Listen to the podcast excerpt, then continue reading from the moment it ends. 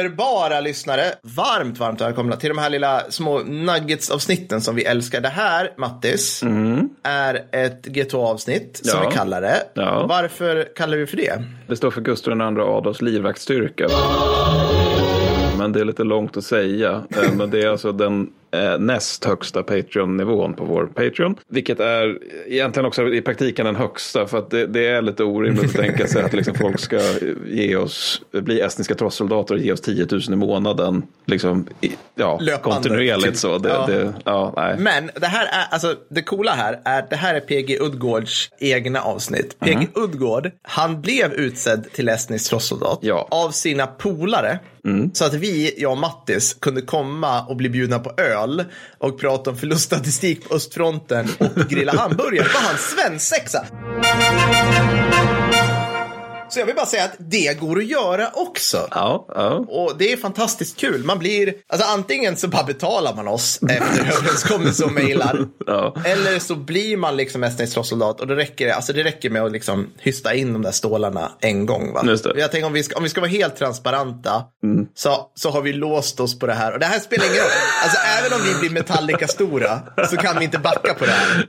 Så man får oss, man äger våra stjärtar för minst en kväll för 10 lök plus moms. Ja.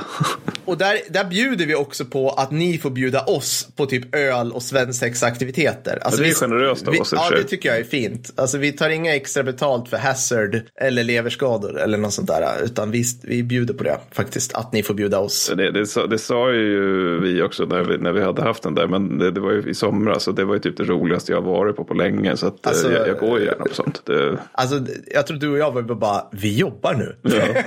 det är en massa soldater här vill prata krig med oss. Ja, och det är det som är vår shoutout. Det är helt enkelt till alla underbara deltagare på svensexan, varav alla var officerare. Och du Mattis, du sa det finaste någonsin tror jag. Där. Kommer du ihåg vad du sa efteråt? Um, ja, jag tror jag vet vad du menar, men kör. Du sa typ så här att innan jag var på den här festen så tänkte jag att akademiker var min crowd. Ja. Men det visade sig att det är militärer. Ja. Åh, det tyckte jag var så himla fint. Men de vill ju också börja prata granatkastare, precis som jag. Ja, ja, men liksom och blev djupt inne i liksom så här. Hur ska man, jag, jag var så här, hur ska man hålla pistolen? Hur ska man hålla pistolen och luftpistol? Och det bara så här lyste ur deras ögon. Bara, Åh, vi får utbilda. För min del är det ju liksom att varje gång jag är på en parmiddag måste jag ju liksom på något sätt skapa en subtil brygga så att vi kan liksom långsamt glida in på granatkastarna. Ja, ja, och förluststatistiken. Men här är det mer så att man börjar där och sen så blir det än mer depraverat. Ja, det var hysteriskt kul. Det måste jag verkligen säga. Så vi hoppas vi får träffa er igen. PG och Kristoffer och Axel och alla ni andra. Men vi har inte tid att hålla på och prata mer om sånt här Mattis. Vi, vi har så jäkla mycket gött att göra. Vi, eh, PG, du ville höra, du ville höra koloniala fuck-ups. Och efter att din knivhand har läkt, jo det ska jag också säga, för jag tyckte det var roligt. PG skar sig själv i handen typ två gånger under sin egen svensexa. Det här är alltså en, en det här är alltså, han är inte bara fältarbetsofficer, han är även hantverkare. Han. Jag tycker det är fantastiskt roligt. Så Ja. det, det är en underbar, han behöver gå om eh, knivkursen. Eventuellt ja. Handgrepp Mora, steg ett. Han. Men vi ska prata om det och du ska få börja. Jajamän, det ska jag få göra. Jag ska prata om Zulukrigen 1879. Och det här är roligt, för att, alltså det här är typ sinnebilden av ett kolonialkrig. Alltså om man frågar liksom någons moster slash lillasyrra vad är ett kolonialkrig, då kommer de tänka på bilder från Zulukrigen. Alltså vi pratar enkelt uttryckt brittiska rödrockar med stora mustascher som har musköter som skjuter på bruna människor iklädda bastkjolar bärande spjut och Ja. kohudssköldar. Ja. Yes. liksom. Och det, det, alltså det är verkligen på riktigt så här liksom civilisationen då som de i Rudyard Kipling-termer liksom trycktes in i Afrika ett bajonettstöt och ett stöveltramp i taget. Liksom. Men, men också med den lilla detaljen att Zulu var ju också väldigt organiserade för att vara folk som slåss med liksom stötspjut och kohudssköldar. Ja, alltså otroligt. Det Alltså, var ju inte svärmar liksom, utan det var, Nej. de hade ju, för, ja det kommer ju till det förstås. Ja, ja, nej, men precis. Alltså för, om, om vi sätter det här i någon form av kontext var det så att någon, alltså Sydafrika, för det är ungefär där det utspelas, som ni, ni kan tänka er nordöstra Sydafrika, moderna Sydafrika, var liksom ett slags lapptäcke av semi självständiga boer, kungadömen och territorier och britter som hade klivit i land och då Zulu land, alltså som var ett fucking kungarike och hade funnits liksom rätt, relativt länge. Så att, så att det, det börjar egentligen med att, att man, man har, i andra änden av jorden typ så eh, har britterna märkt så här, shit, vi har nu federaliserat Kanada. Vi har gjort Kanada till en dominion. Och då den stressade regeringen i London säger till en snubbe som heter Sir Frere och general Lord Chelmsford Bra brittiska namn. Ja, Alltså det har kommit till vilka as de här var. Att så här, kan ni federalisera Sydafrika? Alltså så här, typ, typ gör det. Så här. Och sen slutar de att svara i telefon i praktiken. För de har annat för sig. För Ja, det här, mina damer och herrar, det här kunde inte Zulus veta. Men det här är liksom det sämsta tillfället i världshistorien att försöka spjuta ner britter. För på 1870-talet, då är man smack dab mitt i det som kallas för Storbritanniens imperieårhundrade. Smashing baby. Just det. Och det här vet ju du som, det här hatar ju du som historiker Ja, Mattis, att det- man bara det- säger så här, mellan årtalen X och Y, där var det här. exakt. Det är det som uppstår och sen så avslutas det på Ja, väldigt exakt. precis. Ja, precis så. Mm. Ja, det- nej, men så, så att mellan, mellan 1815 och 1914 Mm. säger man att det är Britain's Imperial Century.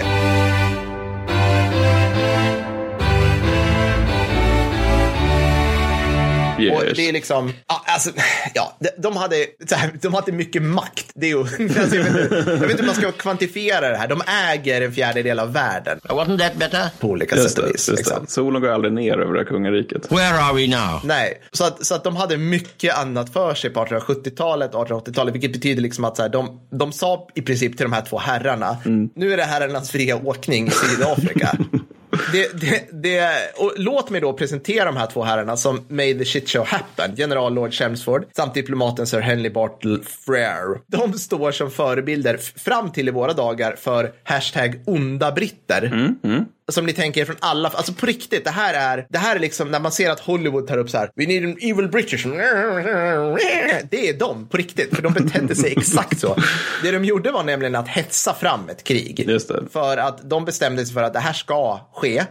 Vi orkar inte hålla på med diplomatiska grejer för att den här kungen, och nu kommer jag, alltså jag, Chetswa, Chetswayo, han vill inte ha krig, men han... Och det är Zulukungen då. Det är, ja, det är Zulukungen. Han vill inte ha krig, men han är samtidigt liksom, han ger inte så himla mycket, han går inte med på så mycket concessions, vad heter det liksom? Nej, Eftergifter. Nej, tack så hemskt mycket. Så att, så att, han, så att de, de helt enkelt bara, nej men det här måste gå. Han, gjorde en, de, han tillåter en grej, den här Chetswayo, och det är liksom en räd in på brittiskt område. Annars är det bara brittiska provokationer genom typ hela skiten. Jävla britt. Ja. Ja, och vem är då, det här är också det som är intressant, vem är då Chetswayo? Ja, alltså, han är liksom ingen, ska jag säga, han är ingen obildad stamhövding. Han, i, alltså på wiki så porträtteras han i kostym. Just det. Så det just säger ja. en del, Ja. Mm. liksom. Men äh, det är liksom, samtidigt är det så här, i andra änden så är det så här väldigt tråkiga familjefester. Han har ihjäl typ fem av sina bröder, spjutar ihjäl en av sina fruar. Det är allmän backs, ja, men det, det är så här, hela liksom kung, alltså hela Zulu-kungarikets historia är liksom en orgie av backstabbing, red weddings. Det är, det är sjukt dålig arbetsmiljö att vara Zulu-kung. Ja. Det skulle jag kunna säga. Okej, så eh, vad gör britterna då? Nej, men de, de utfärdar ett ultimatum till Chetwayo och då gör de så här att Alltså den här Sir Bartle Frere, han bara, han skickar ultimatumet till Chetwayo som innehåller en massa eftergifter som i princip betyder att du kommer inte längre vara kung, utan vi kommer splittra ditt kungarike. Det. Han berättar att han har skickat ultimatumet för sin regering efter att ultimatumet har gått ut. Så det, det är väldigt mycket frifräsande stil här. Och där har han då sitt så här, ja, Det, men förlåt, bara, men det måste vara så stökigt för London det här. Bara, att man har så här olika galna män som styr utrikespolitiken Ja. separat från dem, bara ute i provinserna. Ja, men vi kan ge oss fan på att liksom det finns typ två dussin Sir Bartle Frere utspridda över hela jorden som, Ja, bara, ja. som bara freebasar liksom med kanonbåtsdiplomati och lite massaker och Mm. så andra grejer. Liksom. Yes, så att det han gör, men så de invaderar. Mm. Och det är liksom precis som du kan, alltså det, det är relativt odramatiskt. Nej, det är det inte men, men det, det är liksom, det är kolonner av rödrockar som går in över gränsen. Mm. Så vi, vi har ju inga, vi har ju liksom inte så mycket artilleri eller såna här saker, de har med sig någon kanon. Men Zulu startar hårt, de skändar britterna fullständigt vid Ishalwanda. Som filmen Zulu Dawn stan bygger på. Så vi kommer till lite så här, jag kopplar in populärkulturen här på Mm. Ett pedagogiskt sätt. bild. det- jag. det, det som händer då är att Schweizer bara, okej, nu har vi vunnit över de här. Han Mm. försöker mäkla fred. Va, varav Freer svarar med så här, eh, va? For every conscript that dies, there is a thousand. Det blir liksom, ja, men fan, återigen, liksom, de tar en, alltså, vilket annat, kanske britterna i andra lägen hade bara sagt så här, ja, men nu, nu, det här gick inte. Ja, för Cheswai låter ju som en ganska rimlig person. Han är långt. absolut rimlig. Han, han förstår ju, han har någon form av uppfattning om liksom den militära makten som britterna har. De ger sig på igen med 16 000 rödrockar och 7 000 afrikans som är typ allierade. Går rakt mot huvudstaden Ulundi där de heroiskt håller stånd under sitt invasionskrig. Alltså de, de, de går dit, de beskjuter staden. När Zulu ska anfalla dem så gör de en, en sluten fyrkant med Gatling guns och kanoner inuti. Just det. Just Och det. när britterna gör så här och Zulus anfaller, då är det nästan alltid liksom typ promenadseger för Ja, britterna. ja, och man vet ju att det finns en sån här 1800-talsmålning där det är så jävla heroiskt ur britternas Ja, ja, ja. perspektiv. Ja, men det är alltid, det är alltid britterna. Det är, liksom, det är 18 stupade britter mot 473 Zulus och tusentals sårade Zulus. Just det, just det. Ja. Alltså I det läget undrar man lite grann hur jävla duktiga Zulus egentligen var som ändå lyckas döda 18 stycken när de har spjut och fienden har Gatling Ja, guns. ja, ja, men det var verkligen så här prickskyttar pratar man om. Att så här, någon Zulu med, med spjut liksom fick iväg den och träffade en britt. ja. Liksom. Sen har vi ju, alltså under första invasionen, då hände det ju också det här med Rourke's Drift som folk kanske känner till Mm. från filmen Zulu. Vilket var en liten sideshow egentligen från Ishwanda som ingen brydde sig om. Men, men den cementerade väl det som är britternas modus operandi sen, liksom att vi strider från försvarade ställningar, alltså från befästningar. Mm. Just det. Punkt. Vi låter infödingarna komma till oss Mm. och storma fram i horder. Så helt enkelt.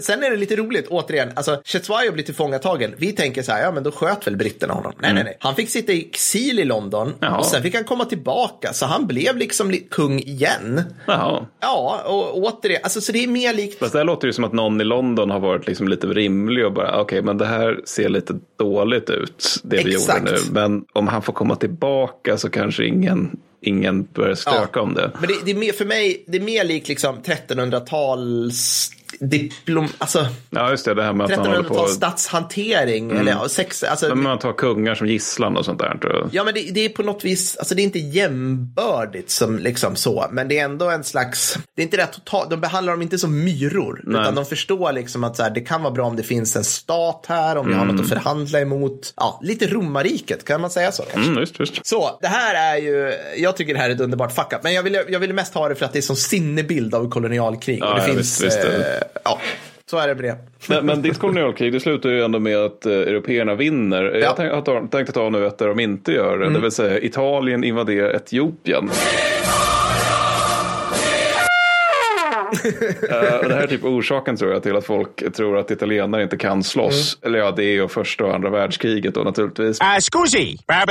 Men alltså grejen är att Italien är ganska sena till festen när det gäller kolonialiseringen. Och orsak det är liksom så här intern politisk enhet, vilket det alltid är i Italien. Det är det än idag. Ja, ja, det är liksom, de är nätt och jämnt ett enat land Nej. idag. Och det var värre då eftersom man enas så sent som 1859. Så det de gör det är att de tar en bit av Eritrea och delar av Somalia på 1880-talet. Mm. Och då blir det ganska, rätt, lätt, ganska naturligt att försöka erövra Etiopien också när alla andra europeer håller på och liksom hackar upp Mm. Afrika som är mellan sig. Så man anfaller med kolonialkrigens dittills största armé i mars 1895. Ja, mm, härligt.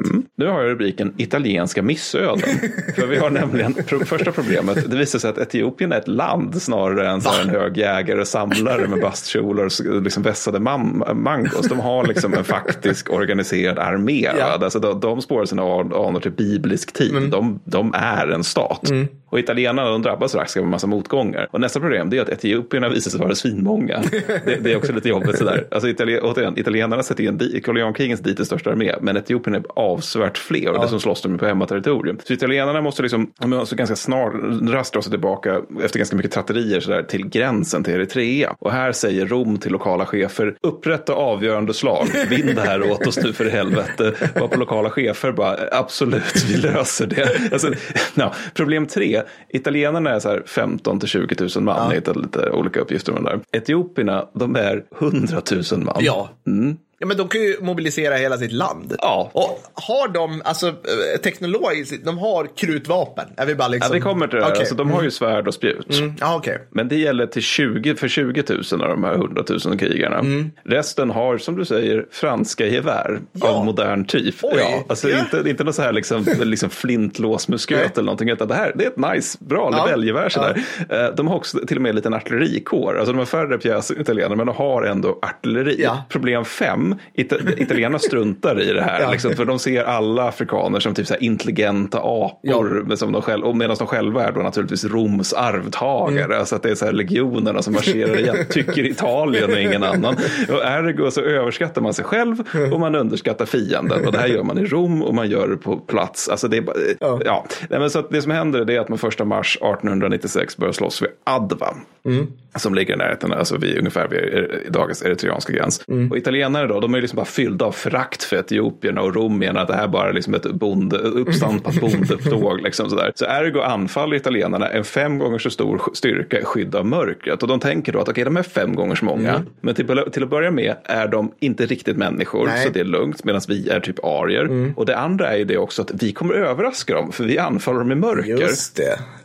Problem, etiopierna blir inte det minsta överraskade. Nej. Eh, dessutom, nästa problem, det här är typ problem sju, italienarna har ju liksom så här usel command and control, så de anfaller med fyra fuck? brigader då. Ja. Och de här brigaderna tappar ganska raskt kontakten med varandra. är det här bra Per? Nej, det är inte bra. Nej, det är inte bra. Så att, det, är ytterst dåligt. Så etiopierna genomför motanfall. Där först en och sen två italienska brigader av fyra möjliga, alltså inte besegras utan förintas. Oj, så pass. Alltså ja. det är liksom så här, första brigaden som, som går, går, går, går sönder, det är liksom att de blir omringade och sen angriper etiopierna bara med våg efter våg efter våg Mm. infanteri tills det inte finns några italienare kvar överhuvudtaget. Och de andra två de upplöser successivt som fungerande förband medan alla skriker papidi pista pasta, vi är romare och så vidare. Och etiopierna lider, lider då förvisso högre förluster än vad italienarna gör, men å andra sidan så har de liksom till slut också krossat italienarna och drivit dem till flykten. Så 50 procent av den italienska styrkan dödas eller tillfångatas. Oj. Mm. Det är Det är väldigt mycket, mycket. Det är jättemycket. Ja. Mm. Det är en väldigt hög andel. Och sen så av de 1600 itali- italienska fångarna då, så, så behand, de behandlas ganska väl. Mm. Men sen är det en ganska stor andel av den italienska armén som är hjälptrupper från Eritrea och Tig- Tigray. Mm. Och de betraktar etiopierna som förrädare, vilket man då be- belönar förräderi med att man hugger av höger hand och vänster fot på alla dem. Ja. Mm. Tråkigt liv efter det. Jajamensan. Och det är lite lustigt över det här, det är att jag tror att man har en tendens när man pratar om kolonialtid att man ser liksom de här olika afrikanerna som blir överkörda av européerna som att de bara är på något sätt, jag vet inte, det är nästan lite rasistiskt på något sätt. För man, jag tror man ofta tenderar att se dem som någon form av så här ädla vildar som, som, bara, som, som inte är poli- politiska subjekt riktigt. Nej. Nej. Men, men, men så var det ju inte. Alltså både Zulu och Etiopien var ju liksom riktiga stater. Så. Och eh, grejen är att Etiopien beter sig efter detta som en tidstypisk riktig stat. Det säga att de blir en kolonialmakt. Ja, ja. ja, Ja. men vad bra. Ja. Ja. för det är inne. Ja, Alla vill ha kolonier. Varför skulle Etiopien vara något annorlunda för? Och liksom, européerna är lite så här, ja ni spöade just Italien så då måste ni väl ändå vara någon man kan förhandla med. Liksom. Så då, då, då får Etiopien vara med, jag tror det är Frank, eh, nu ska jag säga, britterna och fran, fransmän tror jag, och eh, dela upp Somalia helt enkelt. så att de går perfekt. plus på det här kriget territoriemässigt. och eh, Adva-dagen då, det vill säga första mars, det är ganska länge i Etiopien nationaldag, vilket man kan förstå också. Och den italienska förnedringen är ju naturligtvis total, men jag vore inte jag om jag inte liksom avslutar det här på ett lite dystert sätt. Så för det här är nämligen en delanledning till att italienarna är så inåt helvete hänsynslösa när de kommer tillbaka 1935-1936. Alltså då sätter de ju in gas från flygplan och liknande och är inte alls trevliga. Och orsaken till det här är ju åtminstone delvis, dels är det ju för att de är fascister, men dels är det ju också att de helt enkelt inte vet av ett andra Adva. Nej, nej. Nej. Det, vi kan inte ha den, den skammen. Eller ja, nej. Nej, nej, nej. Just det. Vi, vi slåss alltid mot den italienska självbilden. Eh, Den är alltid här uppe medan resurserna är där nere. Ja, ja. Så, så, så får man försöka hjälp, jämka ihop det här på något sätt. Och så, så, Ja, typ så.